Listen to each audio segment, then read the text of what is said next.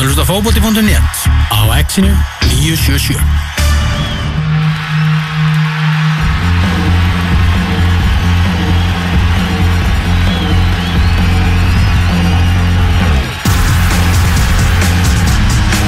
Elva Geir og Tómas Stór ætla að gera upp landslis árið 2018 Í uh, þessu fyrsta hluta ætlum við bara að skoða aðeins þennan glugga sem að er að baki þennan síðasta landsleikja glugga ásins þar sem við töpum fyrir Belgíu og gerðum jafntöfli á móti Katar sem að gera það verkum að við einfallega unnum ekki fótbollaleik á árinu 2018 síðasti leikur í það er ég náttúrulega ekki að taka þetta Indonésiu sprell hérna með. Við hefum ekki unnið alvöru fótbollaleik síðan uh, Var ekki setnileikurinn á móti Indonésiu samt alveg landsleikur eða? Jó, hann er tekinn sem landsleikur Þú fær skráðan landsleik fyrir hann Mm. En En það var ekki bóginn skráða er- landsleik fyrir hérna og Sveppa liðinu það? Nei, Nei. það er ekki, ekki opinbjörn landsleikur En á himbóin skilur þá Ég meina, að þetta er ekki landsleikja gluggi Þú veist, þú ert ekki með þitt lið Þannig að ég tekið ekki með Nei. Við unnum ekki landsleik á árinu 2018 Ekki alvöru landsleik Nei. Fengum eitt stig Já, í keppnum?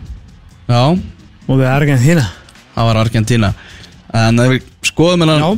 síðasta klukka um, Á mínum að þetta er bara annað auka janúarverkefni Má ég að segja.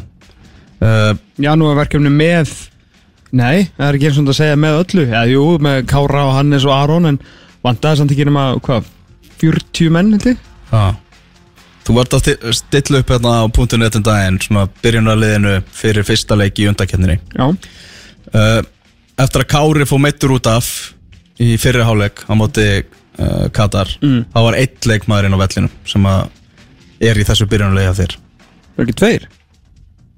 Ekki Ok. Hannes og Aron? Nei, Rúnar Alex var í markinu.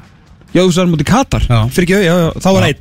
Já, Já, það var Arnór, Arnór Sigursson já og það var svona, eh, svona viltavalið. Já, það var- Eina, eina vilta, sko. Já, akkurat. Þannig að svona Það kannski segir sitt að, að Snembúin í janúar. Þetta var snembúin í janúar meina, Þessi gluggi nýttist ekki til að undibúa liðið sem er að fara að spila í undakjarni EM fyrir Erik Hamren og, og, og hans menn, það er alveg klárt mál. En að því sögðu eftir að náttúrulega Erik Hamren tók við þessu liði hefur við bara með rauðalitin ánast allsráðandi við hvern einasta leik er ekki Erik Hamren að fara bara með heitt sæti inn í undakjarni EM Sko, nei. Ef að, ef að undakjarni EM byrjar ítla Og ég er ekki að meina út af árangur en eitt Ég er bara að meina út af því að Hann þetta eins Heitt seti bara út af árangurinn Ertu að meina þá að ef hann fer illa á stað Þú veist, ef hann bara tapar báðuleikjur með Mars að að KSI bara gríp inn í það Já, ég get alveg trúið því Ég bara sé ekki KSI gera það Nei. Það er nú aðalega það Ég, þú veist, undir Segjum að hann En ég menna, þú veist, hann er ráðinn fyrir með EM allstaðar í, Í huga. í, í huga Já. og þá þurfum við náttúrulega að koma okkur þangað Já. og ef við förum illa stað í undakjarninni þá verður leiðin torsóttari það er auka leiði gegnum þjóðatildina sem við getum fengið og, og allt það en myndur ekki hugsa, er þetta rétti maðurinn til, a, til að koma okkur þangað? Ég ætla að vona að þannig verði hugsun. Að þetta má ekki vera bara svona eitthvað uh, happy-go-lucky dæmi, þú veist, við erum búin að ráða hann, hann fær bara einhvern veginn að klára þetta því við erum íslenska landslið og við erum ekkert í því meira og minna að reka þjálfara fyrir eftir ykkur undakefnir Ah, fer svolítið líka eftir því hver staðan verður. Þú veist, það er mjög erfitt að ætlast til þess að íslenska landslið í fótbolta vinni uh, einhverja stærri þjóðir án allra bestu leikmannina en staðan er samt þannig að þessi strákar eru varnalínun okkar er orðin svolítið gömul. Mm Markur er svolítið gammal, hann er 84 síðan er þetta þú veist, 84, 82, 86 og er ekki Ari Freyr þú veist, svona ég held, Ari Freyr er 86 held ég líka í maður rétt. Og síðan er reyndar Hörður Björgun langingstur þarna. Ég held að svona Ari og Hörður verði kannski að skipta þessu aðeins meira á milli sín. En annars er svona þetta þessi besta varnalínu okkar all kannski komin á blómaskeiðinu.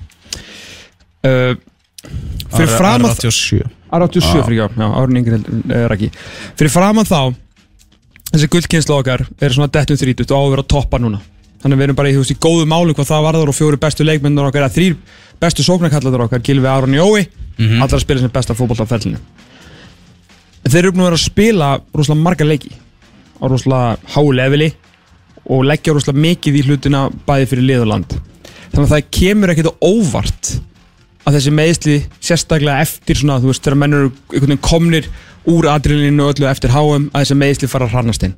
Þetta er alltaf búið að vera óeðlilega mikið þetta haustið, algjör bilun. Og eins og Kristján Guðmundsson var að segja hérna við mig í síðast og, og ég heyrði nú freysa eitthvað tala um það við, við þig hérna í yngastinu frá Open að, að þetta er alveg skiljanlegt að koma eitthvað meðsli, meðsli núna. Það er bara eru helvíti margar mílur og jafnvel mílur sem að menn hafa verið að spila meittir á tanknum hjá þessum að Erik Hamren er aldrei aldrei að fara að njóta svona sama velferðnaðar hvað var það meðsli og Lars Lagerbäck úr heimir og síðar heimir fengur þá voru bara menn 22, 23, 24, 25, 26 kilur okkur frábærum aldri og meittust nánast aldrei. Já. það verður ekki þannig. Þannig að það er ekkit víst þó séu 5 mánuður í næsta leik og við vonumst til þess að menn svona ég verði heilir, skilur það er langt í, í næsta leik og, og hérna og, og þetta, þetta hætti. En þá er ekkert að bóka það. það er bara mjög líklegt að það vanti alltaf einhverja. Þú veist, að þessi gæðir eru bara Já, já, orðnir eldri. Algjörlega. En samt sem áður er mjög erfitt að fara eitthvað að, að fara að dæma þetta höst að viti nema kannski ákveði andleysi í einhverju leikjum sérstaklega til eins og Sviss úti og þannig að menn bara gjössalega gáðust upp sem er mjög ólíkt okkur það var ekkert andleysi í Belgjuleiknum okkur vantaði bara fleiri góða menn til að gera eitthvað þar að viti. Einn gæðug sending frá Hazard uh, smá hérna, menn slökku aðeins á sér sem bæði sem einstaklingur og lið og, og kemur mark og þú veist var bara erfitt. Okkur vantaði líka rosalega marga menn.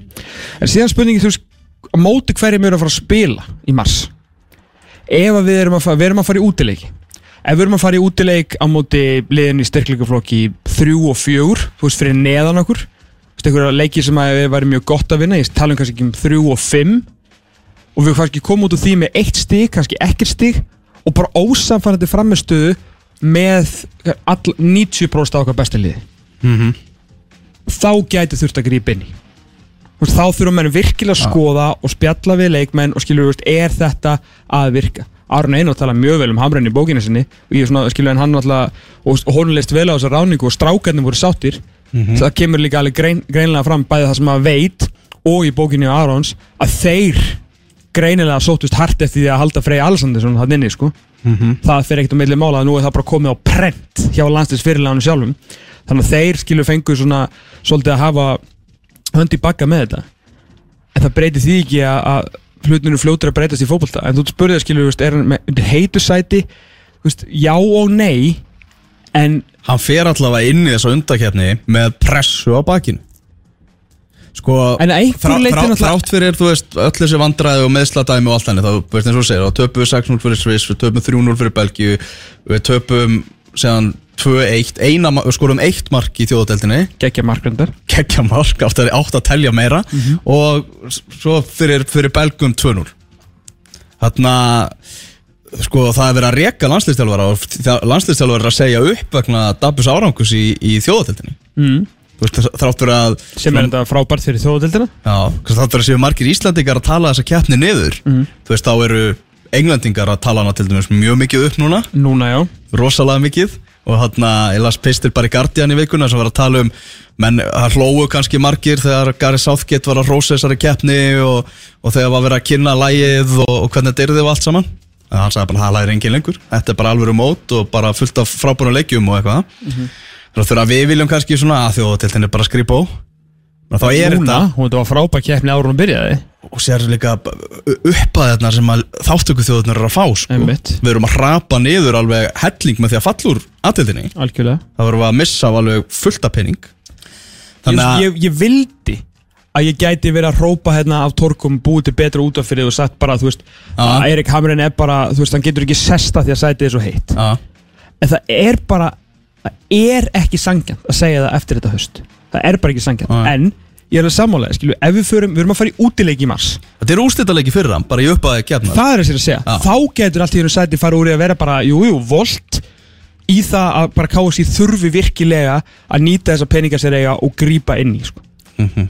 Og það fyrir líka svolítið eftir framistuðinni en þetta er bara tíu leikir á einu ári þetta er bara, þú veist, fimm sinnum tveir og ef við erum bara með eitt eða, þú veist, ekkert stig eftir þess að fyrstu tvo leiki að þá þýðir einmitt ekkert að vera bara hæ, hann klárar bara svo undakeppni og við sáum hvað gerist í umspilin það verður bara að gera eitthvað strax sko. Mhm.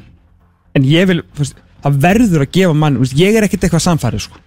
Ég er ekki einhver hamrin maður sko. Nei, nei, hann er ekki búin að samfara mig, sko. Bara alls ekki. Nei, hann, svona, hann samfærið mig svolítið hann talaði inn í hjarta mitt á fyrsta blagamannafundunum en svo hef ég fjarlast hans aðeins og líka bara út af úslitunum já, skilur ég er alveg með, veist, ég er meira með strákunum heldur en kannski akkurat honum akkurat þess, þessa stundina Mm. en auðvitað vona ég að honum gangi vel því ef honum gengur vel þá gengur liðinu vel og það Já, er gaman sko. Við höldum við þetta með honum. Að sjálfsögðu en hann uh, svona, þú veist, bátar okkar eru svolítið að fjallega, sko, ég er svolítið þurfa að, ég sé hann eiginlega ekki lengur, ég er svolítið bara á ratamælunum að leita á hann, Mhm. ég vona að við svona, munum hittast aftur. Já, en ef hann ef hann, ef hann púpar á sig í mars þá bara getur að getur þurft að gera eitthvað. Mhm. Í þessum landslisklukka, hvað var það jákvæðasta?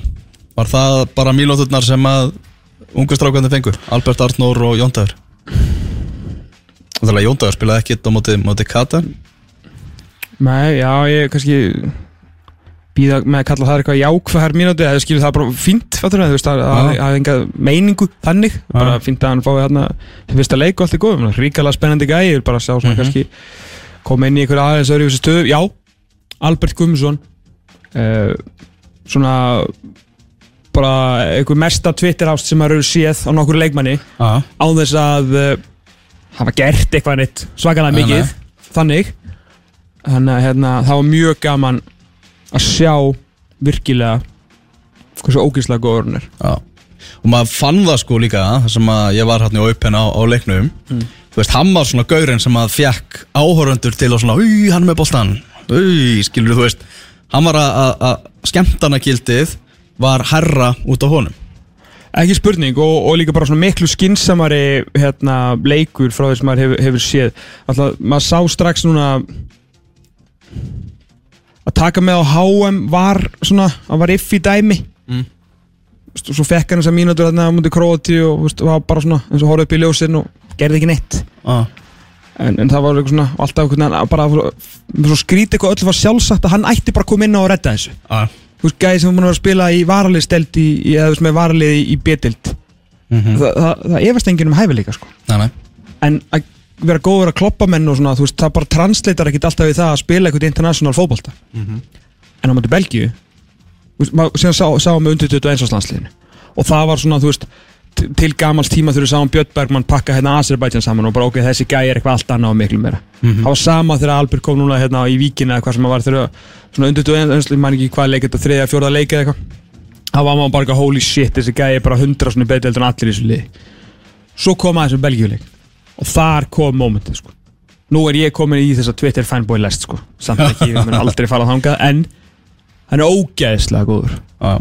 ógeðslega góður í góður sko Mhm. og ekki bara eitthvað svona einhverjum krúsidúlum bara móttökur, skinnsemi veit af öllu sem er að gerast í kringu sig og miklu betri bara fá boltan og losa hann og fara í næsta svæði. Það sem hann getur líka. Svo líka svona töfrar, fá aðeins fólk veist, upp, upp á stólunum og þetta er svona klárlega gæi sem er bara orðin þú veist, nummer 12, 13, 14 er að fara að koma inn þegar okkur vantar, vantar mm. og það er nefnilega jákvæða því að þessi gæjar eins og Arnór og, og, og Albert er að- þú veist, jú ok, ég sagði að Arnór veri komin inn í liðið. Af því okkur vantar vinstri kant og ég vil fá Birkin á miðina Mm. Og hann er svona meira komin af villir nöðsinn eða þú veist, í mínu liði en þú veist, ég veit ekki hvað þessu nýja frétti fyrir ykkur en ég vel ekki í þetta lið, þannig að það skiptir einhver máli hvað mér finnst sko, en hérna en það er gott að þessi gæjar séu svona klárir því að við þurfum veist, líka þess að vera að segja með meðslinn á hann. Að hópurinn þarf að vera hann stærri og menn sem kom inn þurfa að gera eitthvað. Þeir þurfa mega bara ekki koma inn og vera til. Þeir þurfa að gera eitthvað og það er það sem Albert og Arnar gerur og, og náttúrulega jákvæmt líka var að sjá kaftinn koma inn í þetta og sjá hversu ótrúlega miklu máli hann skipti. Bara öllu máli. Alveg bara ef þið voru fræðan farin að efast eitthvað um Aronina Gunnarsson þá bara vil ég hætta því hér og nú sko. Ég veit ekki hver gerði það nokkuð tíman en Já, því líka leitaði sko. Að vera bara í Brussel og he heyra í honum.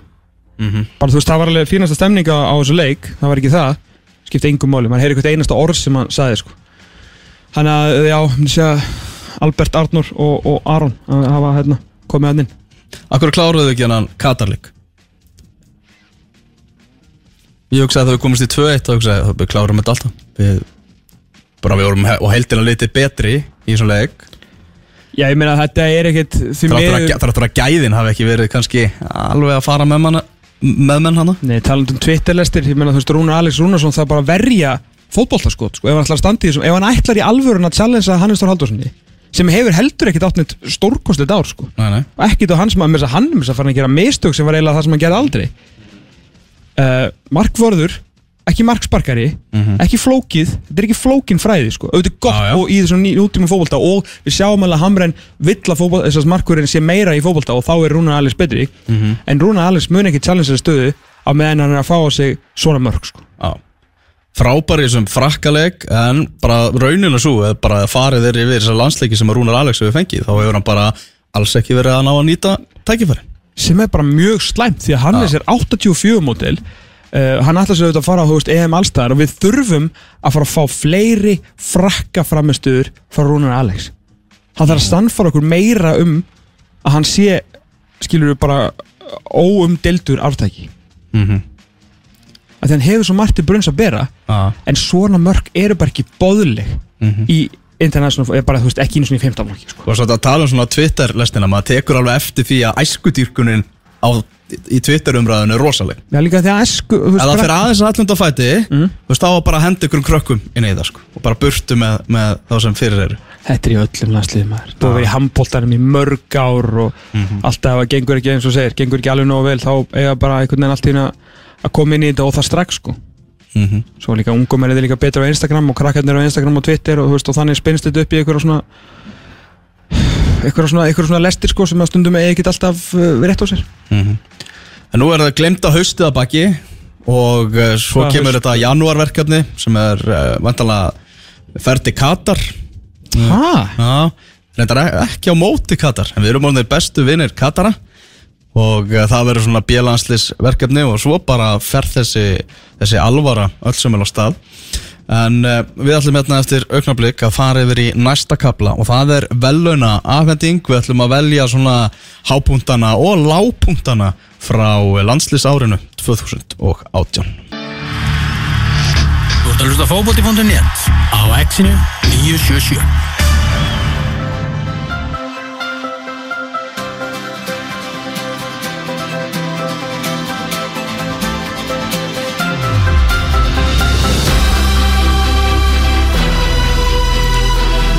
Landslýsárið 2018 gert upp í útastættunum fótbolti.net á X-inu 977 Nú ætlum við að fara að vinda okkur yfir í vellauna flokkana uh, Við vorum að tala um það að þetta er svona fullt af neikvæð á þessu landslýsári Það er svolítið fyndið á ári þar sem við förum á stærsta svið fótbolta heimsins HM í, í Rúslandi voru þar fámennasta þjóðan sem nokkuð tímann hefur tekið þátt í þessu móti. Það verður aldrei toppað. Áttum ómetanlega tíma í Rúslandi uh, samt ef maður einhvern veginn að horfa á þetta landslýsár sem vonbrið er það, erum við vannþakkláttir?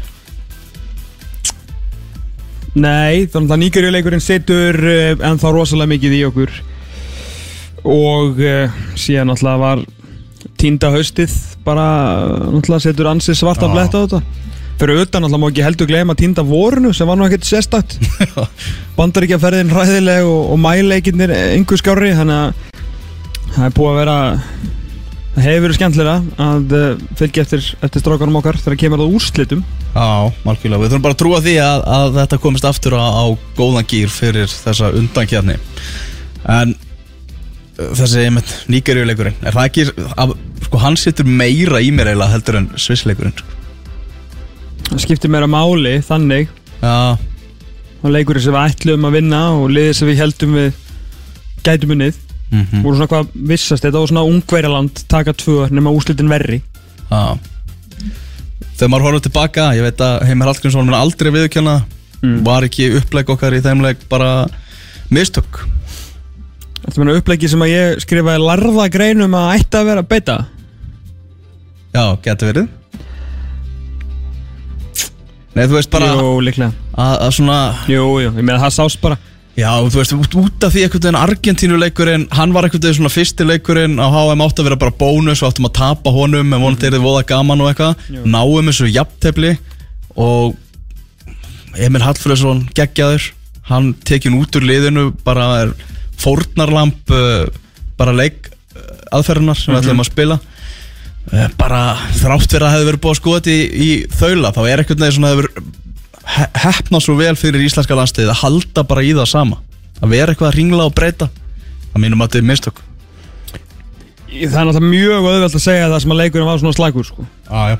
Þannig að uh, sagan dæmir bara þessa breytingu við raun og veru eins og hún stendur sko. 2-0 tap og svo voru líka menn bara ekkert, góðir þannig mm. það var bara léle mörg sem við fengum á okkur og þú veist, lítið að gerast fram á við þetta var gilfur klúra víti sem að gerist aldrei þannig að þetta var það var einhvern veginn allt vond vinuleik ég man hvernig okkur leið eftir Ungverland 2016 sami leikur og sama tíma. Uh, í keppninni. Það var, það var pyrri pú sko þetta þannleik og svona svekkja sig svona en þetta var ennþá vera það var margfalt vera setur í manni, réttið sko. Svissleikurinn setur í manni alltaf um ástæðum sko. Það er svona, þú veist, hitt var heimir og svona ógeðslega rútinuna lið og allir menum að jói skilur við þannig að eru Sviss bara og- aldrei, aldrei liði jafn illa á fótbollaleik og á svissleiknum Skilur við einhvern veginn að Þetta maður var að vinna við að horfa á hana leik Mhm. og fjallum hann og, og þetta voru lengstu 90 mínútur bara sem ég hef upplifað sko. Maður Ég held að líka, þetta ætla ég líka aldrei að bjóst klárast alltaf við bara næsta og næsta mark Ég var farin að halda þetta Já. myndi enda bara 8, 9, 10 sko. Ah. Við vorum svo lélegir og, og uppgjöfin var svo algjör í, í liðinu að ég, ég, ég er alveg sammálar Mér er aldrei liðið að mýla sko. og ég fylgdist alveg með liðinu undir stjórn sko, Eyjóls og Óla Jó sko. Ah. og ekki var það gaman sko. Já. Það var ömurlegt meir og minna Mhm. að hérna Vesti leikurinn 2018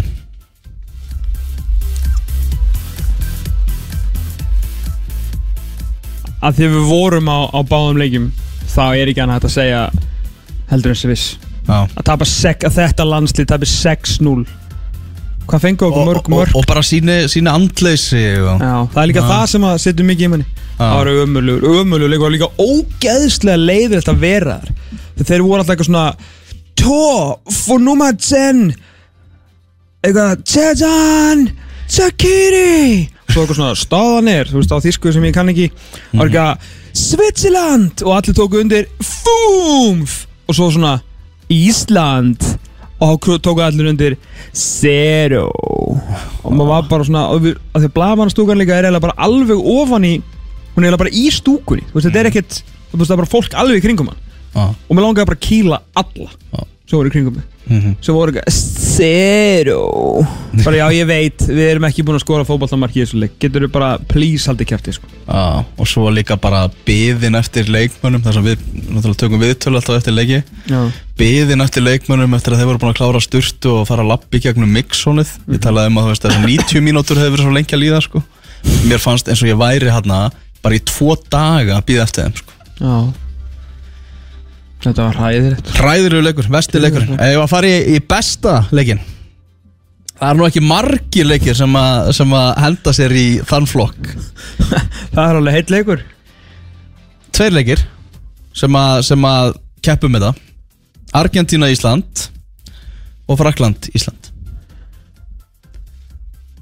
Mjög einfalt, annar leikurinn var að vináttuleikur þráttur að vera ekki gríkindi heismeisturum en hitt var Argentína í fyrsta leik og HM í fyrsta sinn og sögunni sem var Ísland fyrir HM sem minnsta þjóðin og Lionel Messi var í liðinu hjá Argentínu og hann er besti fótboltumar allra tíma. Þannig að þetta er eins auðvelt og að verður. Besti leikur Íslands á uh, árunni 2018 Argentína Ísland það er Argentína Ísland eins illa okkur leið á Sviss Ísland mm -hmm.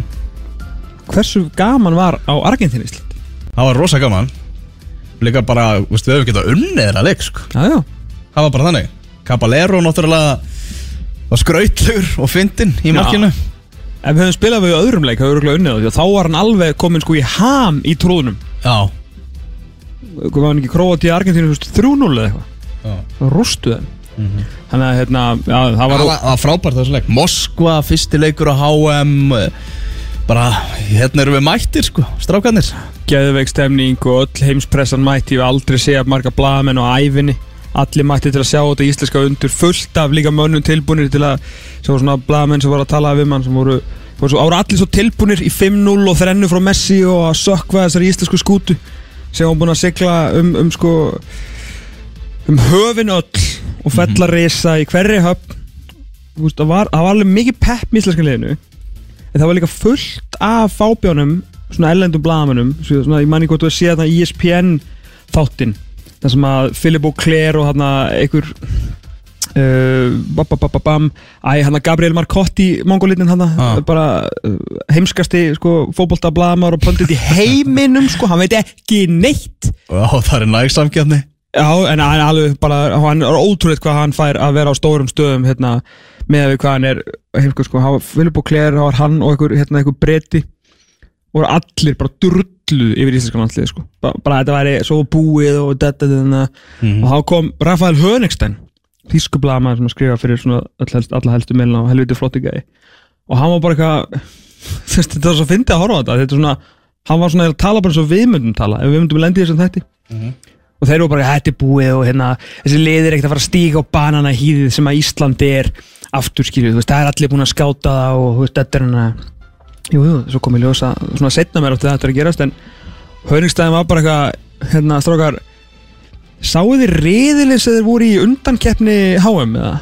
það voru þrjár þjóðir sem að voru á EM og þeir unnan, sko.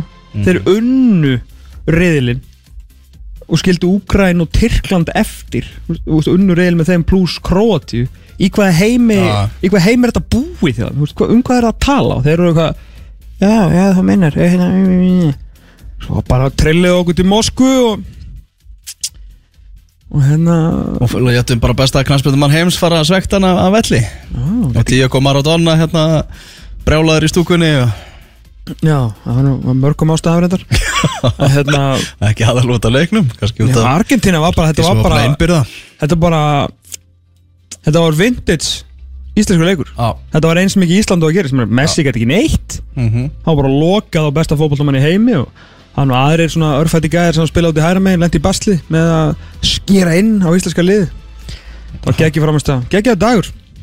Mm uh, Atvik ásins Það kom í þessum leik. Við þurfum ekki að fara yfir neina flokka. Það var bara þegar hann er stór Ver vítið frá Lionel Messi.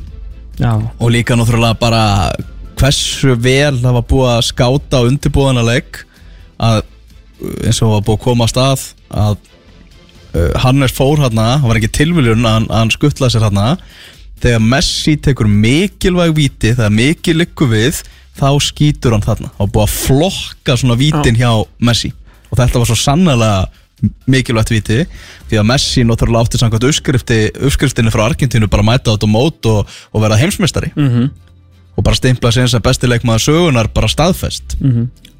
Hann, uh, þægindarrammin hans er uh, millihæð í vinstra hátnið Já, og það var Hannes bara með á hreinu. Já.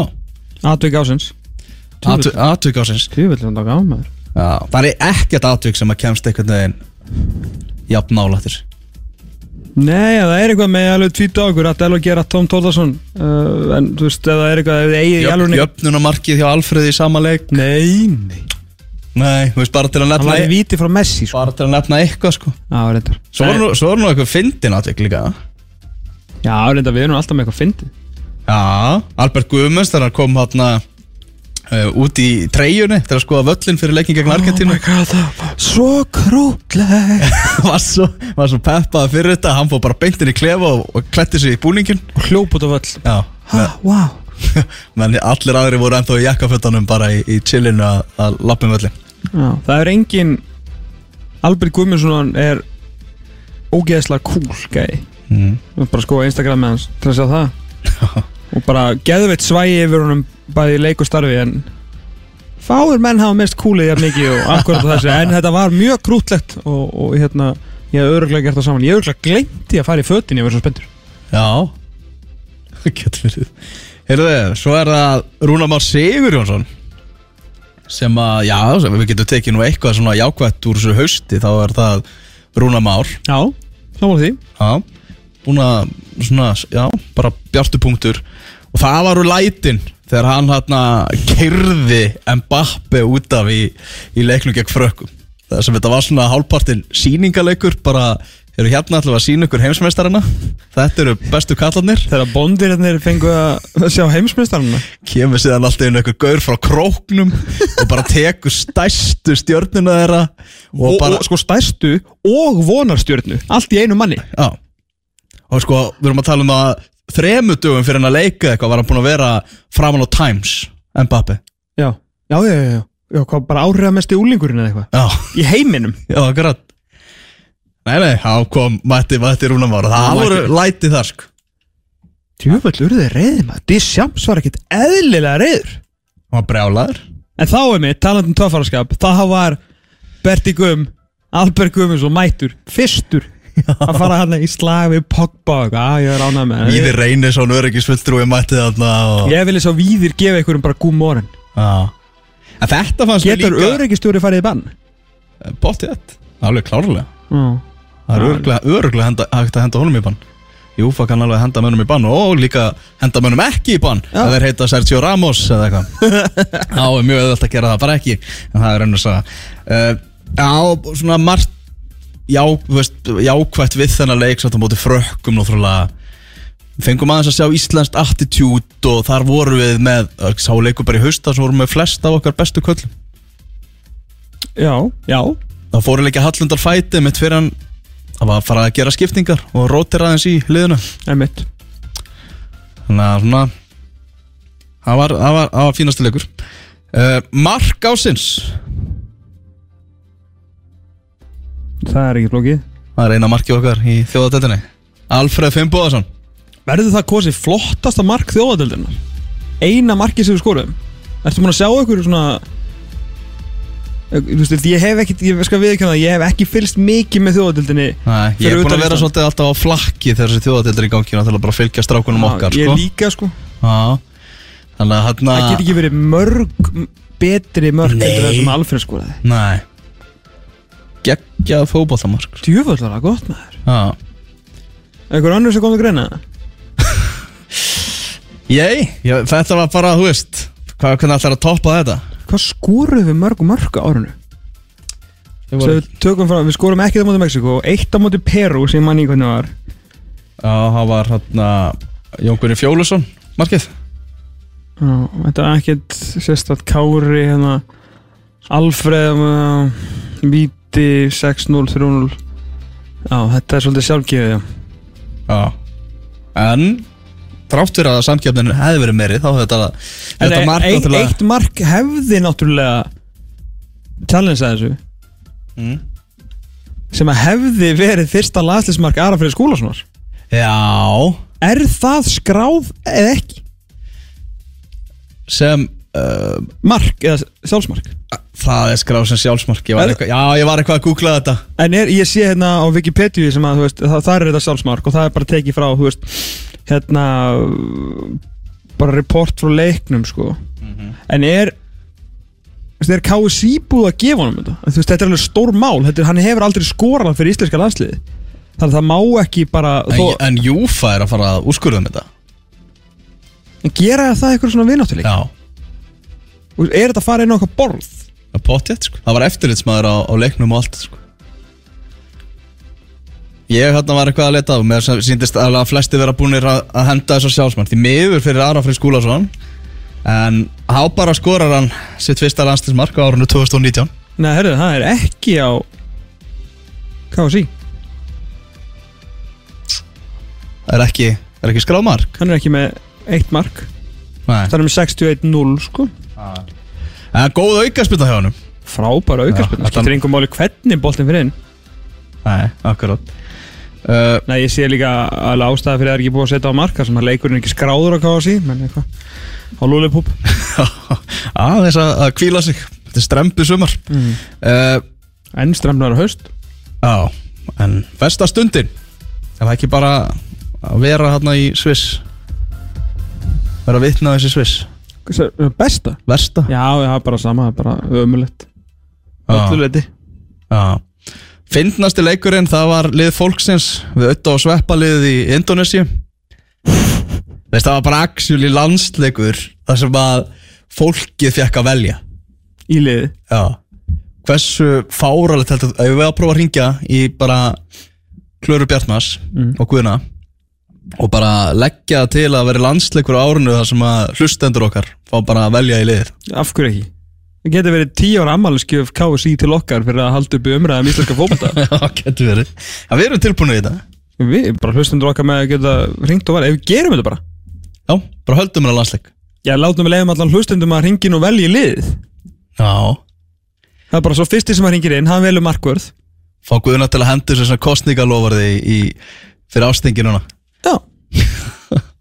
En þú veist, þessi leikvann og, þessi Indonésiu för náttúrulega bara mjög fyndin á, á mörgu leiti Við höfum aldrei rofið útsendingu fyrir eh, spænska fótboltan en það eru brjótandi fréttir frá uh, Katalón, nei Baskalandi. Mm. Baskalandi, já. Smálið Eibar er komið í 2-0 gegn Real Madrid en ekki fleiri orðan það. Já, það er 52 mínútur á klukkunni. Hvað er í gangi hérna hjá Real sko. Það er erfitt að, að bjarga þeim á þessu. Sakna svolítið Cristiano Ronaldo. Herðu, við ætlum að eh, fara yfir í bestu leikmenn landslýsins á árinu 2018 Já. Þrýr bestu leikmennir. Áður en við förum í uh, í uh, besta leikmann Mm. Við erum að tala um Emil Hallfriðsson Já, sem var besti leikmaður okkar á HM já. Fekk nýju í einhvern veginn fótbolta.net bæði fyrir leikina móti Kroatíu mm. og fyrir fyrsta leikin Já, reynda gaf tvö mörg en var einhver síður frábær. Mm -hmm.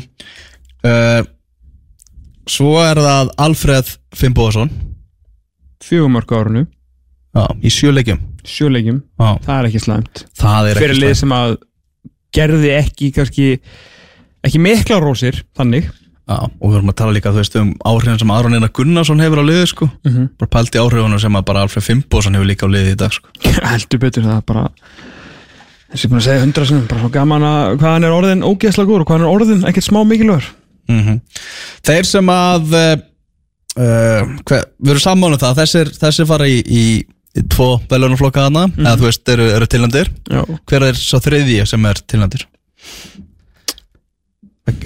Kári gæti tekið þetta. Kári geti verið, en náttúrulega vörðum fekk á sig hansi mikið af mörgum, þó kannski Já. færri þegar hann naut við. Mm mm veist, Jói Berg. Já. Jói Berg. Mm. Gilvi að sjálfsögðu. Já, Gilvi, veist, bara bara að setja slána svo ótrúlega hátt hjá, já, já. hátt hjá Gilva, sko. Maður bara, já, já Gilvi, okkar besti, besti fótballtamaður svona Sviss og Belgia kannski svona dróða næðis niður og hann var ekkert eitthvað stórbrotin á, á HM hann kannski átt betra, betra landsliðsár. Mm -hmm. en uh, valið svo sem á uh, þeim besta er ekkert að vaskabla flóki held ég þetta árið landsliðsmaður ásins 2018 það var núna Óskarinn. Alfreð Fimboðsson Já. Alfred Fimboðsson, algjörlega sammála því og uh, Emil Hattfælisson, það er silfrið. Já. fyrir, fyrir HM með nokkrir deila bronsinu bara. Já, já, það geta, geta bara menn verið í því. Uh, Þeir sem að þurfa að gerða sig í brók. Já. Það er, það er náttúrulega nokkri sem koma til greina kannski eftir, eftir vond ár. Mm. En tilnefndir þarna eru og kannski svona við höfum bara nokkur nöfn í þessu. Náttúrulega má ekki neitt í sem má ekki segja hver er einhver einn. Mánumlega, ég lærið þannig að síðasta verkefni að það er banna að hengja ein- einstaklinga. Já, ok. Ég bara, veist, ég bara vissi ekki, ég er búin að vera alveg að skella skuldinu og einstaklinga alveg hægri vinstri svo kemur ljósa að þetta er bara stránglega banna ég, ah. Það er bara einhver átt að segja mér þetta fyrr. Mm -hmm. uh, En þeir sem að uh, já, þurfa að fara að gera sér brók er meðal annars Arnur Ingur Traustason. Já, Aftur á móti gæti hann ef að 3-5-2 er eitthvað sem við ætlum að fara að brúka frekar Mm. Ég held að dagar hann sem allan startir á vængnum séu taldir Já. Hann hann bara kom fítnil í hennan belgaleg. En á heildina liti hefur hann bara verið algjörlega skuggin af sjálfum sér Og, og eitthvað veginn svona Fannst svona þegar á, í kringum EM og svona skiluru Það var svolítið svona geistla af honum sko Já, það er bara, hvarf Það- eftir að þetta fór svolítið í hundakött í með félagsliðina sko. Já, hann bara verið skorta sjálfströst alvarlega mikið bara og einhvern veginn svona fara hann meira einhvern veginn að fljóta bara með í staðins að vera gaur sem að, sem að kýlir á þetta sko.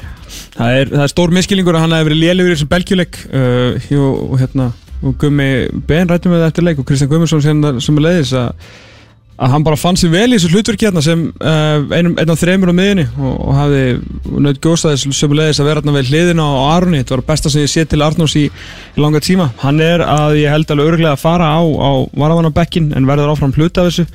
Og ég held svona með við þetta ár þá held ég að hans svona framtíð sé kannski meira jafnvel að færast inn á, inn á miðuna eins og hjá fleirum sko. En, en út á væng hefur hann gert allt annað en að hella mig á þessu ári því miður mm -hmm. uh, Aðri leikmenn, við erum náttúrulega búin að tala um Rúrik Gíslason. Leikmenn sem þarf að fara að sína miklu, miklu, miklu meira. Já, algjörlega. Það er bara Það er ekki oft sem við rjúum útsending út á spænska bollanum en Baskaliðu Eibar er komið í 3-0 á móti Real Madrid. Jésús Þetta er 57 minnur og Ramos verðist eitthvað að vera að skýti heið þarna með þá kemur strax nærmynda á honum. Þetta er, þetta er áhugavert. Já, Rúrik við hafna flottur, á- flottur á Instagram. Og, en má vera aðeins betra, betra en á vellinu Já, ég er bara ekki einu svona svona innkomur að bekknum hafa verið eitthvað eitthva frábærar. Virkilega slagur í þessu nýgerjuleik sem við tölum um mitt náða þegar hann fekk þetta stóra, stóra séns. Vaknaði á 78. mínútu í leiknum fór þá að gera hlutina sem hann getur ég satt á hundra sinnum að finnst hann lang, lang bestur að koma inn á. Ég, hann er ekki, þetta er ekki byrjanlegs maður í íslenska landsliðinu. En innkomur hans verður líka bara máttlusari og máttlusari á þessu tímbili þannig ef hann eh, heldur áfram að vera viðlóðin hóp sem ég efast ekki um að að verði uh, er, í, er í miklu metum hjá allan þessum þjálfurum og, og þetta hópnum líka að vera lengi með þessum strákum og þá verður hann, hann verður bara að gera meira. Mm. Hörður Björgur Magnússon er, sá maður sem hefur fengið hvað mestu gaggrinu upp á, upp á síðkastið en það er bara svona þú talaður um hvað, tínda haustið uh, hann er svolítið búin að vera tíndur í tínda haustinu Já, uh, bara svona að gleyma sér á, á mikilvægum momentum og þá er ég ekki bara að tala um þetta Hazard atvik heldur bara í þessu hausti og í þjóðatildinni Já, ég meina mörkir hérna á móti, móti Belgíu heima, nei og móti Sviss heima, við höfum líka verið að sjá, sjá þetta í meistardildinni, hann er ekkit leikinn sem maður er séð með sér Já. í Moskvu, þá hefur þetta bara einhvern veginn haust fallið í glemskuna á hjá, hjá Herðibjörgun og, og það verður bara hérna hvað sagði hann við hann talar ekki verið eftir leik og hann sagðist ekki eins og, hvað vita af eða alveg samum gaggrínina það bara hlustar ekki á þessa gaggrinni svo Já, mm -hmm. ég ætla að vona þess að meðvitaður um að því Hörðubjörgur Magnússon er búin að setja ákveðin standard sko. Veist, hann hlustar á þessa ég það veit, er alveg ég veit, allt, um, bókamál ég veit sko. allt um það. En skilur, þú veist, en að því Hörðubjörgun er, hérna hann er one of the good guys, sko. Það er ógeðslega góður strákur Mhm, uh, svona hjarta hlýr og bara svona hreitn og beitt mhm. uh, og þú veist og hann er búin að vera, veist, hann ítti út Ari fyrir skúlason á landslinu og Ari fyrir skúlason hafði ekkert gert neitt mikið til að missa stöðuna Nei, sko. þannig að það var alveg vel gert hjá hann Já, hann spilaði sig inn í liðið hann spilaði sig í byrjunlið á HM Mhm. bara búin að standa sig vel skoraði þetta marka á móti Kroati skoraði markið á móti Króatíu en þú verður og skilur allir sem að, sem að hérna, er, í, er í kringum hann og eru aðdæmandur harðar og, og framarar og hverja sem er og aðalega hann þú verður ekki tekið því slæma með því góða sko. Mhm. þú spila fyrir íslenska landsliði þá koma hæðir og læðir og þú getur færið upp í hæstu hæðir en ef þú ert að spila illa þá það er bara að vera meðvitaður um mér er alveg sama hvort hann segist ekki hlusta hvort hann hlusta ekki eða hlustar og segist ekki hlusta á þessa gaggrinni skiptir að bara öllu máli að hann sé meðvitaður um það að hann er ekki að spila jafn vel og hann getur gert ef hann var að koma inn í liði bara núna fyrir þjóðatildina Mhm. þetta var bara fyrstu landsleikinnars þá væru bara guðminn góður, eru út með hennan gæja og veist, hver er valdan og hvernig komst þetta sesku og á hverju ekki aðra fyrir skóla svona að spila Mhm. ástæðan fyrir að vera gaggrinnan er, er að veist, það er að vissuleiti svolítið gott fyrir hann að því við vitum að getur betur sko. Þegar þú klífur upp á okkur stall þá verður bara fallið herra og þannig virkar bara fótbolti og mistök en það getur orðið dýrkjæftari það er komið þær í þessu undakjarni EM sem að við erum að horfa til. Nákvæmlega. Það er þannig, er ykkur fleiri nöfn svona sem að, sem að er þetta kannski þeir þrýr helstu? Nei, ég ekki að hérna Nei, er ekki svona þrýr sem þurfa að gera það sig í brók Arnur Ingvi, Örður Allan af þeim sem að spila margar mínútur fyrir Já. aðaliði sko Mhm. Við höfum verið að gera upp landsliðs árið 2018 Völdum Alfred Fimboðsson sem landsliðsmann ásins hérna áðan uh, Pæling Tómas Hversu langt getur Alfred náðu lista yfir íþróttamann ásins 2018? Og þá er ég að tala um sko Og þá tala ég líka um hann í þessu samhengi Í ljósi þess að þetta íþróttaðar Hefur ekki verið með kannski mö- mörgum svona topp Nei, ég hérna Það er mjög ofalega að lista Já. Albjörn Bóðsson mm. Þetta er eitthvað sem að við og, og fleiri kollegar okkar þurfum að fara að pæla vel í því að það er bara fyrir að stýttast í þetta, rúmi mánuður í þetta Mhm. að Íþróttamæður ásins verði útnefndur og það, ég held að svona fljótt á litið að þetta gæti orðið eitt allra, allra erfiðasta ár að velja úr síðan uh, ég gekk í þessi samtök. 2011 mm. Heiðar Helgarsson árið. Já. Þetta, ég bara set þetta nokkurn veginn í, í sama flokk sko. Já. Já, þetta, þetta verður mjög þetta er og, og maður væri til í að væri miklu erfiðara því að topparnir væri miklu fleiri. Og þetta er þetta eitthvað þú veist svaka umdelt og, og allt það? Nei, það er bara Ríkjandi íþjóðumæður ásins hefur átt uh, hörmulegt ár. Uh, engir einhverjir frjálsýr og toppar nema hjá nema í krakkakeppnum hjá henni Guðburgu Jón uh, sundfólki okkar er bara eftir að hafa verið þarna uh, í eitt og tvö tvö ári röð. Við getum, ekki, við getum ekki einu svona fengið sko Gunnar Nelson umræðina því að hann hefur náttúrulega líka bara verið, verið að sigla hans í land Já, já, lágt hann hérna berst núna eftir tvær vikur og, og það, hann er ekki eins og á main cardið þar og, og fyrir utan að hann alltaf er ekki í þessar umræðu Nei, akkurat ekki eru crossfit stelpunar í umræðinni uh, bara út af þeirra náttúrulega crossfit er ekki innan í þessi Mhm. þannig að þetta verður uh, Julian J.K. Jóhansson var að setja heimsmet hann er heimsmet hafið í restuðluftu mm.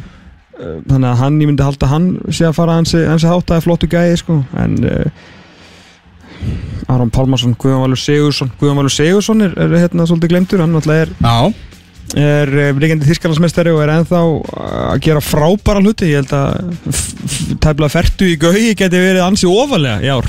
Þegar ég fer svona að hugsa þetta, Mhm. hugsa þetta upp átt sko. þetta er hansi áhugavert. Já, þetta getur líka jæmt Já, ég held að svona Já, það verður erfitt fyrir, fyrir dómnönd að, telja saman stíin sko. Já, þetta getur dreifst alveg þvers og krus og bara margir komist á lista ég. og hver er þjálfar ásins? Já, það, það er ennþá, ennþá betri spurning sko. Hver er þjálfur ásins? Heimir alltaf kom okkur á HM 2017 og var ekki þjálfur ásins í fyrra Já. fyrir það Já, það gerist ekkit, ekkit mikið þú veist, við vorum á HM og fórum ekki búið reyli þannig að hann búin að vinna sér inn þú veist, ef hann farið með okkur í 16 úrslit Ég er að fá hérna bara kvíða fyrir því að þurfa að fara að setja saman listan sko. Já, Er- Hættum að, hættum að tala um þetta. Förum yfir í hérna valið á byrjunaliði Það sem að við höfum verið að leika okkur aðeins á .net að fá hérna á þessa álitgjafa. Það er meðal þig eh, til að sitja saman svona sitt eh, byrjunalið fyrir uh, undakeppni undakeppni Mhm. bara eins og staðan er núna á, á leikmannhófnum Það eru margir að, sem vilja bara fara í þetta þryggja hafsendakerfi Já, þetta er spes. Já, Það við ekki það. Hvaða allt í flæði kom með þessu? Hvað, af hverju er þetta bara vinsalst í dag að Ísland spili með þrj, þrjá hafsenda? Þegar eigum miðjumenn miðverði og frammeri Já, Það er skiljanlegt sko. Mm. Pæli í þessu og þetta gekk ákveðlega gegn Belgíu en okkur hefur líka gengið ljómandi vel í 4-5-1, 4-1-1 hvað sem vil kalla þetta sko. Já, já. Þannig að ég held að það sé Allir okkar bestu sigrar komu í, með, í, í því kerfi sko, Já. fjóru, fjóru, tveimur. Ég Þú fagnaði gríðarlega að við eigum þetta í, bakundinni Það er mjög erfið samt að eiga að vera með landslið og alltaf fara svona að vera mikið að skipta um kerfi því að dagarnir eru fáir sem hefur til að æfa þetta. Mm -hmm. menn þurfa svolítið bara að smetla inn í þetta hans er fljótt en ég held að undankeppni eigum allstaðar eigum við eigum. Mér, mér myndi finnast eðlilegast að við myndum bara spila 4-4-1-1 4-5-1 Mhm. En hérna þegar maður skoðar þetta þá er hérna allir með Kára Átnarsson í liðinu sinu Já, mjög eðlilega, hann er best, Mjög eðlilega. besti varnamaður íslenska landslýsins Já. Uh, Eitt af þeim sem kannski náði ekki að nýta haustið alveg að hann átti náttúrulega að vera bara orðin hafsend nummer 2 getur við sagt, Sverri Ingi Ingarsson á þessum tíma, tímapunkti. Já, algjörlega. Hann náði ekki að nýta sér það til að til að sannfara fólk. Er hann í einhver, já, hann er í liðinu hjá Já, þeim sem eru með þryggja Já, Var ég eini með fjóra? nei, Einar Örn var líka með, með fjóra. Já. En Gussi alveg var, hann var með hann var að spila Diego Motta kerfi held ég 2-7-2 2-7-2 eða ekki? Og heila, hann var með þarna Alfreð og Jóa Berg Ná saman frammi Gilvi eitthvað neginn þar fyrir aftan Já, ég sá einhverja tvo að það gussa á einhvern annan með Jóa þarna frammi Mhm. Ég bara náði ekki alveg pælingunni mikla verðingu fyrir skoðunum þessar manna sko. ég bara, ég næði ekki alveg pælingunni að hafa okkar mestu vængókn Já, sko langmestu Mhm. þetta drop-offið frá honum í næsta kantkall Já. Er stjartfræðilegt sko. en auðvitað náttúrulega Og líka, og ekki bara væng ógnin Þetta er líka bara hvað hann er orðin geggjaði varnarlega sko. og það þannig að, jú, jú, ok, þú veist að íta honum þá hérna undir undir Alfreð með Gilva síðan fyrir aftan því þú ætlar að spila, fara að spila á vangbækurunum en ég held að, að 3-5-2 eða 5-3-2 kerfi Íslands verði aldrei þannig að, að bakverðinir séu, þú veist, eins og þau séu að spila sko hjá Belgíu eins og þau séu bara Thomas Munier eða eitthvað Mhm. þú veist, þeir verða miklu meiri varnakallar þannig að ég myndi alltaf vilja halda, þú veist, breyttinu með, með Jóa. Já. Að ég, hérna, þannig að það, það er svona, það er mér fannst að, af eina sem að ég er nöyt við hérna hjá, hjá um nokkrum. Mm Þú og Einar Örn erum að mörguleiti með svona svipa lið uh, Einar Örn er með Birki uh, á bekknum. Birki Já, Bjarnar ég, ég, ég og, e og, e og Emil Hallfreðsson á miðunni Þú ert með, með dögt ert með Emil á, Emil á bekk og Birki Bjarnar á miðju. Já, ég, það var svona meira veist, Mér er eiginlega sama hvort byrjar þarna Birkir eða Emil með árunni Skilur bara sá sem er heill Mhm. Bara heitast að hendinu hverju sinni Þetta var meira sett fram af því að ég var að reyna að koma fram minn í skoðun með að Birkir er búinn sem kantmaður Já, En Emil hefur ekkert gert til að fara á bekkin þegar hann er heill Skilur þetta eins og ég Já. segi Það spliffa mig ekki donk hvor þeir hefur hliðin á Aroni Mhm. en, en Birkir var í liðinu til að hérna, svona, hann ég geti útskýrt það að ég vil ekki hafa hann á kantinum lengur. Mhm. Allir með Hannes í markinu uh, Þú ert með Arafri Skúlason í vinstri Birki má hægri, Ragga og Kára Mhm. Hafsenda, Birki og Aron á miðjunni og Gilva í, í hólunni Mhm. Jóa Berg á, á kantinum eins og talar um og Alfred Fimboðsson í fremstu výlinu Svo ertu með Arnór Sigursson á, á hinu kantinum. Já, uh, Einar Örn er til að mynda með Albert Guðmundsson í þeirri stöðu. Já ég útskýði það allir með sann að ég að því, þú veist, ef að Birkir er ekki kantmaður og ég vil ekki vera að spila mönnum of mikið út úr stöðu. Það er rosalega frestandi að vera með Albert Guðmundsson bara inn á vellinum. En hann er ekki kantmaður. Og hvað þá í því hverju fjóri fjóri ein dæmi sko. hann er ekki nógu góð varnamaður, fær alltaf mikið einhverjum spjöldum. Veist, er bara, þetta er bara töfrakall fram á því sem á bara að vera bara fyrsta aflesning núna fyrir Gilváð og Sigurs ég, Albert Guðmundsson fyrir mér á ekki að vera á vagnum hjá íslenska, íslenska landsliðinu sko. Mm En er það ekki alltaf lægið, þú veist, meðan hann er svona þetta ungur og er að koma sér inn í þetta? Akkur, Já, veit það ekki Ég meina oft þegar svona með, ég myndi frekar halda, ég ætti að halda frekar þegar hann væri sko en eldri Já. ég skil ekki að hvað að fara að munstra hann í eitthvað dæmi sem hann er ekki Já. Þú veist, látum hann bara spila sér sterkasta Mm. Þú veist, hann er 97 mótil það er okkur liggur ekkert á, þú veist, ég er ekki að setja Arnór Sigursson í liði hjá mér af því að mér fannst það svo mér fannst hann góður fatturu og hann komur óvart hvað hann var góður Mhm. en hann er að fá þessa byrjunlegstöðu, þú sér hvað liðið mitt allan og kannski flestar hann, allan mitt mjög svona mikið íhald í þessu hjá mér sko já. Fattur, ég er á- áfram að treysta á þetta lið sem á bara að koma okkur á, á EM allstaðar Mhm. en Arnór kemur hann á vinstri kantinn ekki af einhverju úlingadýrkun eða eskudýrkun heldur bara því það vantar vinstri kantmann Já. Ég held að hans sé besta fyrir okkur þarna af því við erum búin að, ég er búin að gaggrina Arnór Inga Mhm. hans, ég bara, hann er bara búin ekki búin, en hann er búin að spila ítla sem kantmaður Mhm. sumulegis Rúrik Gíslason og hver er það eftir? ég er búin að setja Birki Bjarnaðinn á miðuna Já, já. fattur við, Mhm. af því að ég vil ekki að hann spila á kantinum lengur, hann er bara orðin miðjumæður í dag og góður sem slíkur, Mhm. og hver er það næstur? Emil Hallfjörðsson, aftur Nei, nei, Birkir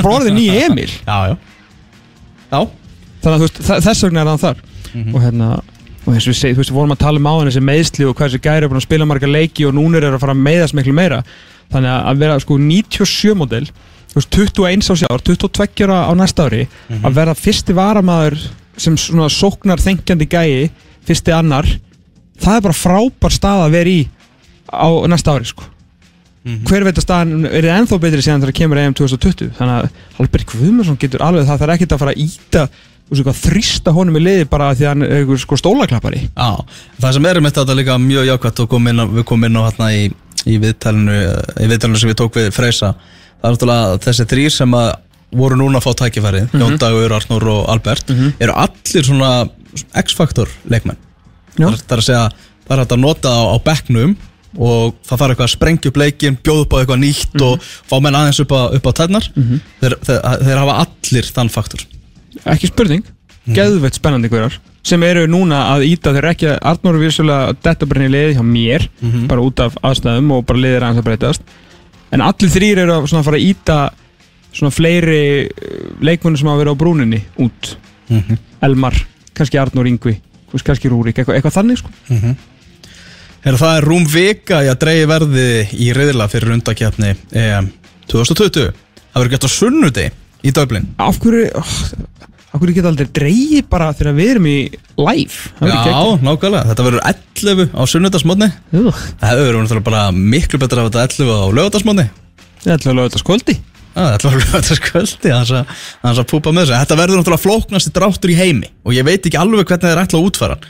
Ég held að það verður bara eitthvað svona tölvuforrit og svo verður eitthvað sem íta á ender og þá brrrp, kemur, kemur þetta það er ekki hægt, þú vorst að hafa eitthvað 70.000 skálar og eitthvað sko vegna þess að Ég held að verður bara einmitt þeimur fleiri þessi, Jú, það verður þannig að skilu það verður dreigið Ísland Mm. og þá svona, já, ok það má draga eina kúlu hérna á kuldapottunum eitthvað, eitthvað Nei, ég veit ekki, þetta verður mjög rétt þetta verður mjög flókið. Það þarf ekki endilega að lenda með er þetta er svona þetta er, Ég skil ekki hvernig það ætla að gera þetta. Ég held að þetta geti orðið bara flóknasta áhorf sem að maður hefur lent í Já, en það verður eitthvað til að útskýra allt sem er í gangi. Já, og, og útskýringarnar vennilega hjá Jófa flækja hlutina bara. Já, svo verður það. Svo er það, það já eins og segir, það er kuldapottur. Við getum bara sem er ekki sérst kaldi pottur en í lögðarslöginu sko. það er samt í alveg kuldapottur. Það er kuldapottur sem við erum í Eða svona kuldaflokkur. Uh, Við getum bara verið með au, einu öðru kuldalandi Í riðli. Svo er hérna náttúrulega pólitískar ástæður sem gera það að verkum að Kosovo getur hvorki mætt Bosníun eða Serbíu og Gibraltar getur ekki mætt Spáni, svo er mér að komið einhver ferðalaga dæmi í þetta, hann og sért ekki að fara í of mörg löng ferðalög og eitthvað bla bla bla. Ég ætla að vona að þetta gangi upp hjá þeim. Já, en það var áhugaveru punktur sem að þarna, sem að uh, Víði Sigursson kom með í mokkanum í vikunni. Mm. vegna þess að þessu umspili fyrir sem kemur sér eftir þetta sem að þjóðadeildin gefur þáttökur rétt í. Þess að Ísland getur farið í umspil uh, úr aðdeild þjóðadeildarinnar ef að við komumst ekki beint á, á EM allstæðar það það að við að möguleiki á því að, að til dæmis að hagnust okkur að tapa síðustu leikjunum. Veist að lið sem að við erum að mæta í, í lokin á reyðlinum að það komist beint upp úr reyðlinum mm. þannig að þá fáum við sæti í umspilinu. Já, það er mjög fyndið. Það er Já, nefnilega ég las þetta líka, ég bara, þetta er svo flóki ég skildi það ekki eins og ný Nei, bara hugsa um það síðar ef svo staða kemur upp. Já, en þú settur upp uh, draumaröðil það er rétt. Ég vil meina þessi frábæri Þetta er blanda af því að, að mæta breskum þjóðum sem er svona skemmtilegt að alltaf mæta, mæta englendingunum og gama fyrir okkur líka svona sem, sem blamen og umfullurinn auðveldari fyrir alla. Eh, Það er blanda, þetta er blanda af ensku þetta er bland, af breskum fótbolta þetta er blanda af sól nokkuð þægilegum ferðalögum og fullt af eh, stegum. England, Ísland, Norður-Írland Gríkland, Finnland, Malta. Nei, eh, ein, hérna, ég var búin að uppfæra þetta fyrir ekki Ok. Ég skipti Kýpur fyrir Greikland Tók hina Greikina Já, England úr fyrsta Við úr öðrum Norður Írland úr þriðja Kýpur úr fjórða. Finnland? Nei, nei, nei, hvað Þú er með gamla reyðil minn. Nú ok. Hva, Hvað er þetta? Færeyjar. Færeyjar, já. Já, England, Ísland, Norður-Írland, Kýpur, Færeyjar, Malta. Rétt. Þetta er, þetta er draumaröðil Þetta er draumareyðil Já, auðvitað erum við með Færeyjar í Að sjálfsögur með draumaröðinni Færeyjar hjá okkur. Það er líka skemmtileg umföllun Íslendinga það var náttúrulega Ég var að horfa á Færeyja Malta um daginn og, og þar var Gunnar Nilsen og Sonja Ragnar Nattisteð og, og Brandur Enni og ég veit ekki hverjir og hverjir. Já, Þannig að það verður bara gaman. Frábært að fara til Þórsarnar mm Stórkostlegu staður. Stórkostlegu staður. Eða litla Reykjavík eins og við kískallan Já. Uh, Maggi setti saman svona martra riðilin Já, Það erum við með Kroatia, Ísland, Noregur, Albania, Kosovo, Lettland. Getum við farið bæði til Albaníu og Kosovo, ég er ekki viss. Já, við, við getum það. Kosovo og Albania eru bara að vinna þjóðir sko. Nei, ég meina upp á ferðalögin. Já, ég ferðalega flóknum Ferðalagaflokk Ég er ekkert viss. Þetta er alltaf Hvað var en, en martruðin yrði náttúrulega að Lalli myndi skilja okkur eftir Lalli bara, hæ hæ, ég er komið með Noreg á EM allstar. Hvað eru þið að fara í umspilið? Já, nei, takk. En líst þér ekki vel á hann að reyðil minn? Mér finnst hann nefnilega frábær. Jú, hann er frábær. Alveg eins og segir já. Enska, Sól, Þórsöp, fulltasti Enska sól, þórsöp, fulltasti Já, bara ég þrá að komast aftur möldu Ég, ég valdi möldu fyrir þig, sko. Já, bara förum þangað sko. Ég, ég er til í það. Það verður dreigið í, í Dublin, í Públin Públin Já, eftir, eftir rúma viku. Það verður fróðulegt að fylgjast með því. En, uh, Við vorum, það var hérna, kom þættinu bara bref já, fyrir þátt. Ok. Uh, hérna sem að stíla og eila á þig hérna. Mm.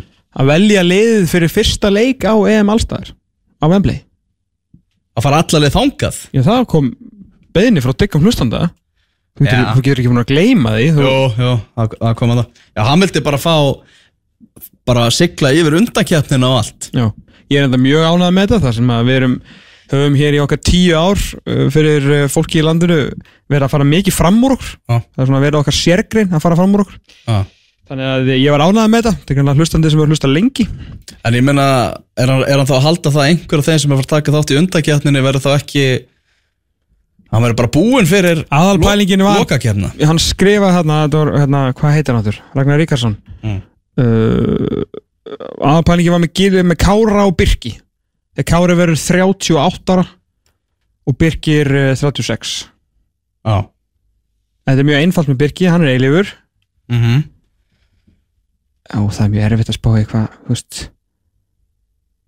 Er Ég ætla, ég, sko, ég, ekki bara lið eins? eða? ég hef lært það að, að maður afskrifar ekki Kára Átnars Nei, Ég skal, skal viðurkenna það Ég var svona, byrjaði að efast um að, þú veist að bara halda það að aldurinn myndi bara fara hamlónum Mm. en ég ætla ekki að efast um hann aftur Ég ætla að leifa Gæti- honum að ráða því hvenar, hvenar hann segir þetta gott sko. Gæti Gylfi verið komið í áttuna svona við hliðin á Aroni fyrir fyrsta leik og EM Allstar 2020 og uh, Albert komin í hóluna Það er möguleiki En ég myndi ekki veðja á samt. Nei, ég myndi alls ekki veðja það. Nei, en það er, það er möguleiki.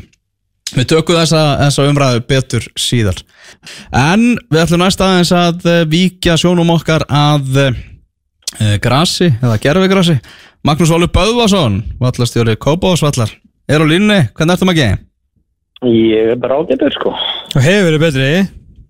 Ég hef alveg verið betri, ég veit ekki það. Gerfugras að taka yfir í Pepsi-deildinni starsta og, og besta liðið á Íslandi í dag með formannin í, í fréttunum að lýsa yfir uh, hágæðum Gerfugras, hvað þetta er búið að gera fyrir félagið, búið að breyta öllu blikarnir þínir, þú útkomin á, á Gerfugras það verður að skilja ykkur grasmennin eftir, maður ekki minn Já, já, ég menna, það er ekkert sem ég, get tekið í raun og veru ákvörðunum. Þetta er náttúrulega bara bæjar við völd uh, á þeim stað fyrir sig sem að tekur, tekur þessar ákvörðunum. mm -hmm. Þannig að það er bara grafa mætt í Kópavöðin og hún er búin að móka upp eitt besta grasvöld landsins Já, það er búið, að- búið að taka hann allan upp. Það kláraðist held ég bara í gæriða fyrir dag. Og hvernig var að horfa upp á þetta fyrir þig? Ég var nú svo sem ekki að pæla, pæla í því, bara var alveg búin að sætta mig við það sko. Þannig að auðvitað er það leið, það finnst mér það leiðilegt bara fyrst og fremst en og, hérna, í mér finnst þetta vera í raun og veru uh, skilu uh, mun, hana, mitt álit er að þetta mun hafa slæm langtíma áhrif á íslenska knaftinu. Hvernig þá? Það er það sem ég held. Hvernig þá? bara að því leiti að skilju uh, að vera með gerfugrasin að það er allt í flott og frábort og gert allt vel fyrir íslenskan fótbolta ég held bara að það sé vond fyrir uh, íslenskan fótbolta að það sé að koma einungis upp kynsluð sem að er, hafa bara verið að spila á gerfugrasi Mm. og munu einfallega ekki geta eh, kunna almennilega að spila á vegna þess að mér finnst bara í raun og veru vera allt annar fótbolti og ég held að þetta muni í raun og veru hafa þær aflengar að að eh, Erlend félög muni ekki vilja íslenska leikmenna því að þeir kunni ekki spila á grasi Já, bara það það fél, að muni gerast En er ekki flestir íslenski leikmenn sem fara til Skandinavi og þar er? Já, ekkert á öllum Nei, nei, ekki, ekki á öllum, heldur ekki á Íslandi bara ef, ef við horfum að hérna 20 ára aftur í tíman Mhm. að þegar norðmenn voru í þessari þróun að færa svona mikið yfir á á gerugræs Já. þeir, þeir voru með bara eitt besta landsli heimi, þeir voru öðru setju heimslistanum, Mhm. allir, best, allir bestu leikmennina, landslið þeirra var bara í Manchester United Liverpool, Tottenham Chelsea, Leeds á þeim tíma, allir leikmennin í landsliðinu voru í svona toppliðum Mhm. og hvað gerist eh, akkurat á þessu tímabli þarna er svo mikil uh, uppgangur í gangi Mhm. að þeir eru að fara bara nánast mjög mikið yfir á gerðugræs Mhm. uh, og, og færi sig jafnvel alveg yfir á gerðugræs og, og núna sér, í dag sér það er ekkert eitthvað endalist að leikmennum að fara frá Noregi í einhvern stórlið hvað eru margir norðmenn til dæmis í ennsku úrvastildin í dag? Eða, eða þýsku eða, eða spænsku eða þess að það Mhm. og, og þetta er held ég það sem að gæti, gæti gerst með íslenska stráka að, að þegar þeir fara erlendis að þá ná, ná ekki aðlagast að þeir kunni ekki alveg að spila á grassi Mhm. Hvernig, var svona, hvernig var fyrir, fyrir þig að, að sjá þessi, þetta viðtal við, við Börk, formann valsmanna þar sem hann var að tala um Mm. þetta dásama, dásama gerðugrassi og sagði að það væri bara eitthvað meina- fornaldar hugsun að, að ætla að vera að halda sér eitthvað á grassi um, Já, ég, ég er í raun og ekkert sammála þessu skilju og út af því, ok, það eru kröfur hjá, hjá FIFA um, um sem sagt nánast ástand vallana á gerðugrassi mm. þannig að nótkun á keppnisölli má ekki vera meiri en í raun og veru 20 tímar á viku og það er bara æfingar fyrir mestarflokka kalla á hvenna Já, en, það er ertu vantar að tala um félög sem er að fara að taka þátt í, í. Já, ég er einungis að tala um þessi lið sem er að taka þátt í Evrópukefni. Mér er gott að blessa að lið sem eru ekki í þeirri baráttu eða eiga sens í þeirri baráttu að þau séu á gerðgrassi. En þau lið sem að eru í Evrópukefnum að þau séu á grassi og séu graslið út af því að annars er í raun, kemur í raun og veru svo mikill kostnæður. Ef þú ætlar að halda þig við þessa tíma og fylgja því að þú bara nota grasi 20 tíma á viku, þá ertu í raun og veru af hverju ertu þá ekki bara á venjulegu grasi? Skilju, ef þú þetta eða 60, 70, 80 miljónum í, í það að skiptum gerðugras á, á þryggjara fresti, hver er þá uh, rökin bak við þessu aukna nótkun? Ertu þá bara með þessu aukna nótka, þá er bara þessi aukna nótkun bara yfir þessu nokkra mánu? Þannig að mér finnst það í raun og veru bara asnalegt ef að hann út, af, út, út frá þessum stöðlum sem að FIFA er setja sko. Já Svona með við þessa þróun hvað, hvað er langt í að við fáum bara Pepsi-deild sem er bara á gerfugrassi Ég er ekkert svo vissum að, að, um að, að það veri algjörlega öll Pepsi-bildin á gerðugrassi. Ok, orða, orða Ég- spurningu ég- Lörjus Hvað er langt okkur til að 11 lið á 12 þar að segja fyrir utan FH verða á gerfugrassi Uh, ég er ekki að sjá til dæmis Grindavík að IBF vera á, á, á, á gerðugrassi. mm. Þessi Það- lið getur eins og að fara niður umdeild Já, þau getur farið ef við hins vegar niðundeilt, en ég menna, ég bara, ég veit ekki, skilju, mér, mér finnst þróun vera þannig allavega til og með sliðinin í Reykjavík, þau munu e- enda á gerðugrassi út af bara hvernig Reykjavík borg er að takla sínmál, Mhm. en, en ég, ég, ég er, jú, það gæti þess að verið bara fimm ár í það, við sáum 11 af 12 liðum eða, eða 10 af 12 er á, á gerðugrassi. En þá held ég líka liðin hafi þá ákveðið advantage að vera á grassi. Já Þá verður það búið að snúast við Þá verður allt innu þeir sem eru á grasinu eru með, með fórskötu Í- Já, ég, ég held það. Ja, ég meina, það er alveg tæknir þróun líka, þróun líka í þeirra kemur að, að viðhaldi grassi, að grassi og þess að þar. Mhm. Og ég held alveg að það bara ekki það langt í það að það komi, komi lausni þannig að það verði hægt að spila á grassi þó að sé orðið kallt úti og þess það að sé, verði kom, komnur í raun og bara lausnir við því. En náttúrulega hver, hver er líki ladri við að halda að hafa gerfegras uh, að við getum haldið gerfugrassi opnu allan vetin það er hýtakerfi undir völlunum. Og hvað, er, hvað, voru, hvað eru margir vellir sem eru með hýtakerfi undir völlunum sem er með grasölli það er hvað, Keflavík og Akureyri Akureyri? Selfoss. Já, hann að Þórsöllur Þórsvöldur, já, já, Já, já. Þó Þórsöllur að bara, ég held að það, þá sé bara upptalið. Ah. að- sem að eru með, með hittakerfi undir, undir völlunum og þetta er alveg krúsel atrið líka í, þegar er að ná völlunum upp. En ég held að það muni koma líka tæk, að vera komið tækni til, að- til að sinna þessum hlutum. Mhm. að með græsvöldi þannig að í, í raun og vera hægt að halda þeim þannig að, að þó að sé vetur að þá sé komin einhvers konar hlýðarskjöldur sem að að það er að halda græsinu við. En það er náttúrulega en það ekki komin eitt uh, ástæðan í því held ég sko. Maður hefur einhvern veginn á tilfinninguna að það sé ekki aftur snúið einhvern veginn þegar félög fara á gerfigras Þú sér ekki, Um, maður er erfitt að sjá fyrir sér eitthvað félag fara á gerfigras og svo segir að við vorum eiginlega bara hrytnir að vera á grasi, við ætlum að rífa upp gerfigrasið og henda okkur aftur í náttúrulegt gras Þess vegna er þessi ákveðin svo rosalega stór því þetta er alveg rétt því að það er ekki þessu liðum er að fara að bakka aftur á gras allavega ekki á sama völl.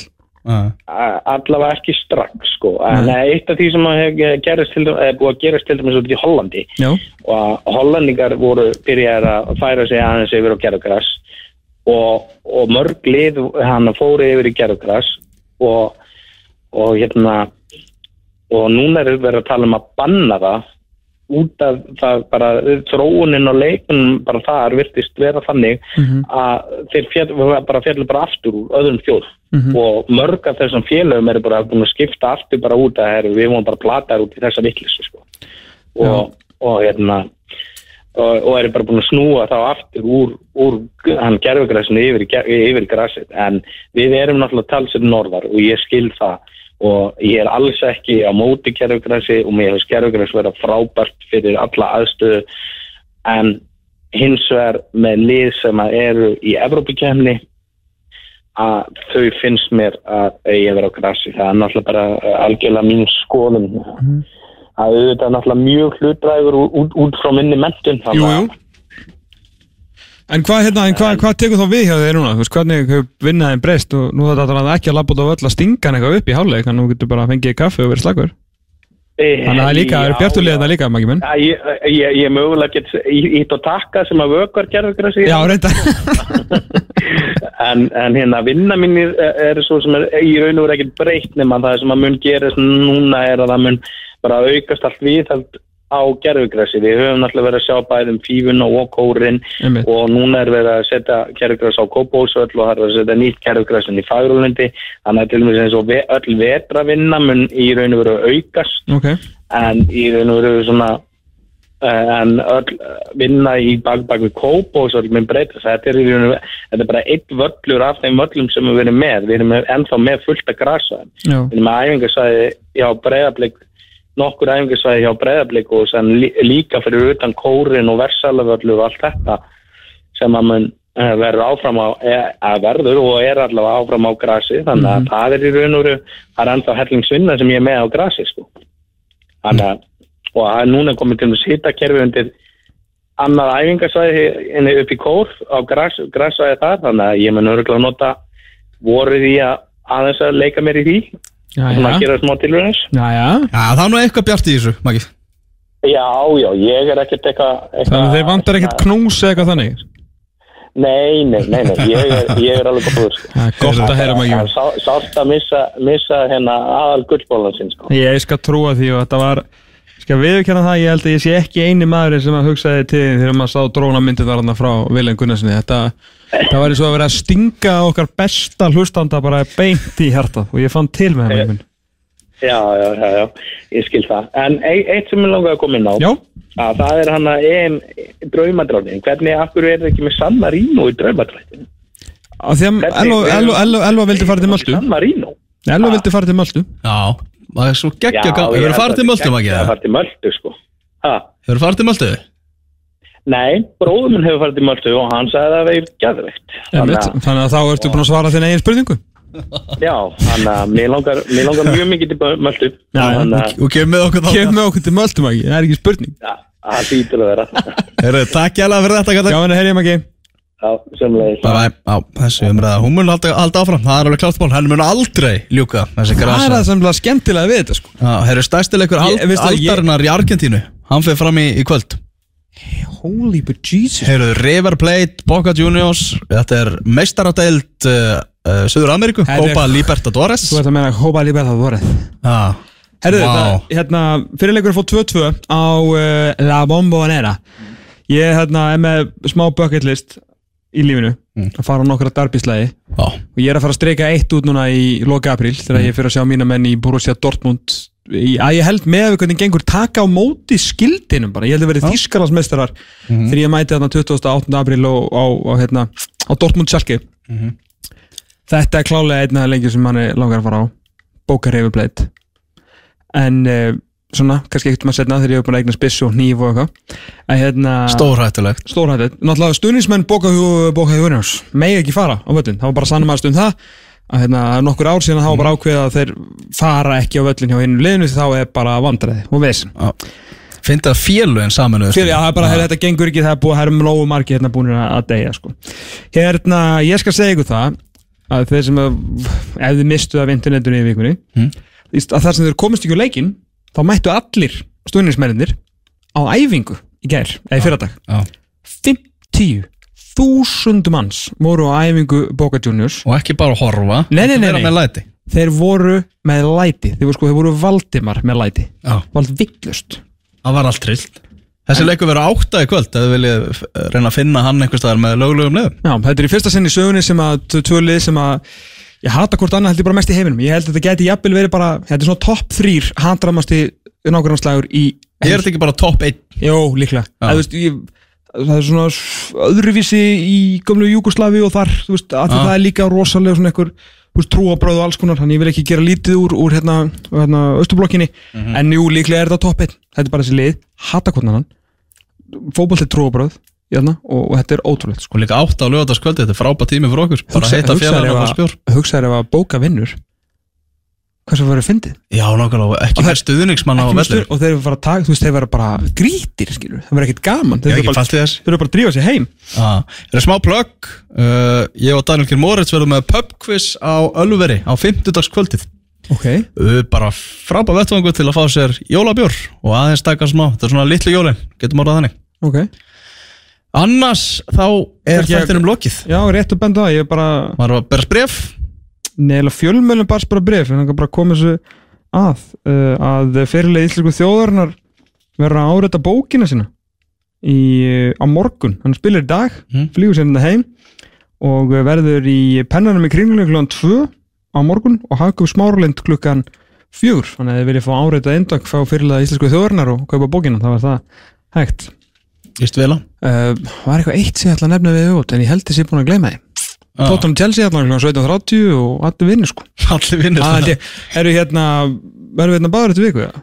Ég verð, Já, ég verði þetta líka, sko. já það ekki Ég held Og að við ég- ætlum með þess að fá til okkar Væntalega góðan Já, hver?